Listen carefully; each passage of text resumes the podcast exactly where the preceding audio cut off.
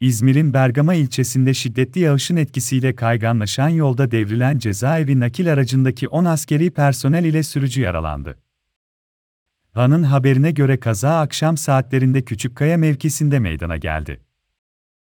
Görev sonrası bandırmadan dönen cezaevi personeli taşıyan nakil aracı yağışında etkisiyle kayganlaşan yolda sürücüsünün direksiyon hakimiyetini kaybetmesi sonucu Bergama Bayatlı kavşağında dereye uçtu. Kazayı görenlerin ihbarı üzerine bölgeye acilen polis itfaiye ve sağlık ekibi sevk edildi.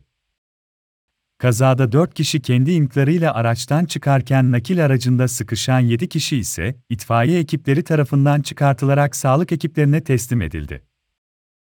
Araçtaki bir subay 5 uzman çavuş 4 er ile aracın sürücüsü ilk kontrollerinin ardından yaralı olarak Bergama Necla, Mithat Öztürk'e devlet hastanesine kaldırıldı. Burada tedavi altına alınan yaralıların hayati tehlikesi olmadığı öğrenildi.